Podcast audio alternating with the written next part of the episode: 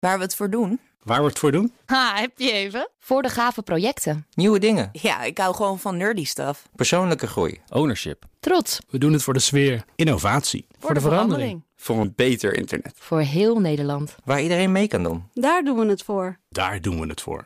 Waar doe jij het voor?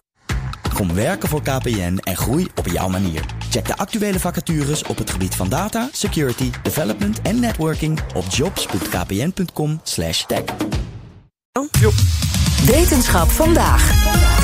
En deze hele week gaan we het hebben over ons gedrag. En dat doen we natuurlijk met wetenschapsdirecteur Carlijn Meijners. Goedemiddag, Carlijn. Goedemiddag. En we beginnen met hebzucht. Ja. Waarom ook niet? Waarom ook niet? Um, hoe hebzuchtig vinden jullie jezelf? In welke zin? Nou, gewoon als je even, wij gaan het er zo allemaal over hebben natuurlijk. Okay. Maar nu zou je jezelf hebzuchtig noemen? Niet nou, op een manier wel. Ja? Ja, ik heb vanochtend het rondje gefietst en dan rij je langs huizen waarvan je denkt: oh, die zou ik ook wel willen hebben. Is dat hebzuchtig? Mm, ja, als dat en heel dan erg. heb ik zelf een prachtig huis. Hè? Als dus dat een belangrijke rol in je leven speelt, dan kan dat wel hebzucht zijn. Ja, zeker. Ja.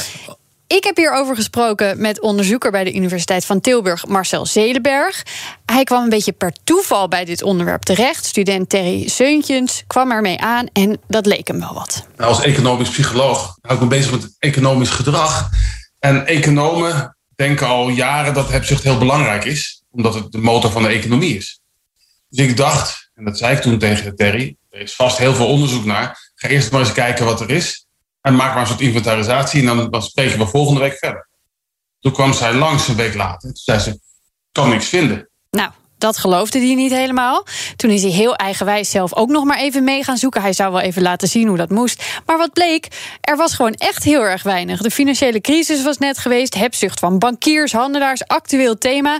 Dus een beter moment om hier in te duiken was er nou, niet. Ik vind het mooi dat hij zegt, hebzucht is de motor van de economie. Dus het is wel... Wordt zo gezien een beetje. Het, wordt, ja. het is wel ergens goed voor. Ja. Maar wat wilden ze precies weten over hebzucht? Uh, ze begonnen eerst met achterhalen. Hè, wat, hoe associëren mensen, uh, wat, wat associëren mensen met hebzucht? Ja, precies wat wij je net. Ja, wat we net ook een beetje deden. Toen uh, ze dat hadden uitgezocht, of Terry had dat eigenlijk uitgezocht... toen dachten ze, waarom maken we niet een schaal? Een schaal van hebzucht.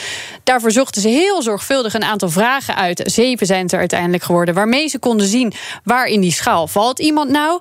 En dan kun je er dingen naast gaan leggen. We hebben gekeken, nou, mensen die hebzuchtig zijn... die zullen ook wel meer afgunstig zijn. Jaloers op bezit van anderen. Die zullen misschien wat materialistischer zijn. Die zullen zich uh, zelfs misschien meer vergelijken met anderen. Die zullen misschien wat uh, impulsiever zijn. Nou, daar hebben we onze vragenlijst gerelateerd aan al die andere vragenlijsten. En dan zie je inderdaad dat je bepaalde correlaties, relaties tussen die constructen vindt die je verwacht. En negatieve relaties waar je, waar je die verwacht. Dat werkte eigenlijk allemaal vrij goed. Behalve bij één onderwerp. We vonden geen relatie tussen hoe hebzuchtig mensen zijn en hoeveel risico's ze nemen. Dat is gek, dachten ze. Ook in vervolgonderzoeken vonden ze het niet. Maar ja, al die bankiers dan, die namen superveel risico. Dus dacht wacht eens even. Wij onderzoeken steeds hebzucht en in, of het in relatie staat tot, tot risico nemen. Maar dat doen we altijd met, met mensen hun eigen geld. We laten mensen in ons onderzoek zelf gokken met hun, met hun geld. Maar die bankiers die speculeren natuurlijk met geld van andere mensen. Dus die, die kunnen wel geld winnen ermee, maar die kunnen er eigenlijk niet mee verliezen. Dus wat wij moeten doen, dachten we toen, we gaan een spelletje in elkaar zetten waarin we dat doen. Waarin we de helft van de mensen laten gokken met hun eigen geld en de andere helft met geld van anderen. En dan gaan we zien dat hebzucht voorspelt risico nemen in het ene geval wel, in het andere geval niet. Mooi, dat zij, zij wisten dus per se van dat moet een relatie Maar dat hebben. is toch een, Ja, dat ja, is ja, toch ja. een ding waar, waar heel veel over gesproken is na de financiële crisis. Dat het ging over other people's money. Ja, Dat is precies. toch het hele punt? Ja, maar dit is ook tegen in die periode, hè, toen Ja, dat allemaal werd ja. onderzocht. Other We lopen money. even door dat hebzuchtonderzoeksveld heen.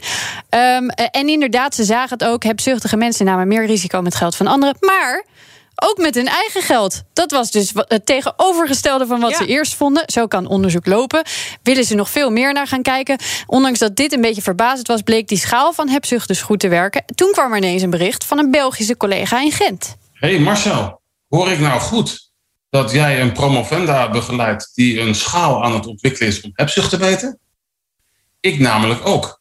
hey, dat is toevallig. Ze hebben meteen contact gehad. Leken heel erg op elkaar. Ze hadden ook per toeval exact dezelfde naam. Er zijn er inmiddels vijf ter wereld en die meten eigenlijk vrijwel hetzelfde. Maar vijf van die schalen van ja, hebzucht? Ja, allemaal op een eigen manier ontwikkeld, maar ze komen op hetzelfde neer. Dus kun je ook zeggen, nou, we meten met z'n allen in ieder geval echt iets, zeg maar.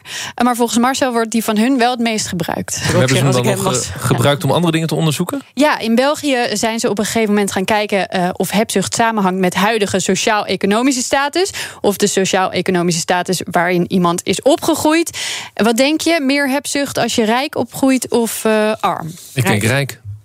Ja, in dit onderzoek zagen ze in België mensen die arm opgroeiden waren hebzuchtiger. Tegelijkertijd werd dit in Rusland onderzocht. Daar zagen ze het omgekeerde. Toen heeft een team van Chinese onderzoekers gezegd: ja, wat is nou het antwoord? We doen zelf een onderzoek. Laten wij nou eens kijken um, met de grote steekproef hoe dat zit. Dus die doen een studie met 3500 Chinese middelbare scholieren. Dus een serieuze steek. Want die andere waren er volgens mij allebei iets van uh, 2 of 300. Dit is echt, echt een grote. En die doen dat. En die vinden daar ondersteuning voor die luxury hypothesis. Dat het vooral is mensen die rijk opgroeien. Dat die hebzuchtiger zijn. Oh ja, dan weer interessant dat ze dan middelbare scholieren daarvoor gebruiken. Terwijl je zou ook misschien kunnen zeggen dat hebzucht pas op latere leeftijd ontstaat. Maar dat weet ik niet hoor. Zijn ze er nu uit? Uh, nou, China is natuurlijk een heel bijzonder land. Je zou je kunnen afvragen bijvoorbeeld hoe groot de verschillen tussen arm en rijk daar zijn geweest. Uh, als je het vergelijkt met andere landen. Ze keken in dat Chinese onderzoek ook naar de invloed van broers of zussen. Dat je meer zou moeten delen als ja. je een broer of zus hebt. Maar ja, een land met een één-kind politiek in het verleden. Ja. Uh, dus tijd om het nog een keer te herhalen. Dus wij hebben toen uh, een studie gedaan met 2500 uh, Nederlanders via het LIS-panel hier in Tilburg. Dat is een, een, een, representatieve steekproef van Nederland. En we hebben daarna ook nog een studie ook herhaald met duizend Amerikanen. Wij vinden ook in allebei de studies ondersteuning voor die luxury hypothese. Dat als mensen rijk opgroeien, dat ze later gemiddeld iets hebzuchtiger zijn. Oké, okay, dus dan houden we het daarop, denk dan ik. Dan kunnen we het daarop houden, inderdaad. Ik zal ook even een linkje naar die schaal op de site zetten. Daar vind je vragen als, of stellingen zijn het meer. Mijn levensmotto is meer is beter. Van geld kun je niet genoeg hebben. Nou, die kunnen jullie ook allemaal zelf even in gaan vullen. Gemiddelde zit op 2,5, 2,7. Als je daarboven zit, ben je dus behoorlijk hebzuchtig. Ik zat ergens in het midden, gelukkig. en als het goed is, is die schaal dus een mooie basis voor nog veel meer toekomstig onderzoek. Bijvoorbeeld, wat is de invloed van de cultuur waarin je opgroeit ja. op hebzucht. Nou, Maarten, zullen Ja. we even een testje doen om te kijken of je het We echt gaan, bent? we gaan een testje doen. Ik heb toevallig Ja. gisteren met mijn vader gegeten. En die is, heeft nog eens verteld dat hij heel arm is opgegroeid. Eh, en ik niet, want mijn vader heeft ons veel gegund. Dus we zullen eens kijken of... ik zal Oeh, test allebei we met doorsturen. je vader even Ja, doen. dat is leuk. Ja. Carlijn, dankjewel. Wetenschap vandaag wordt mede mogelijk gemaakt door Gimmicks.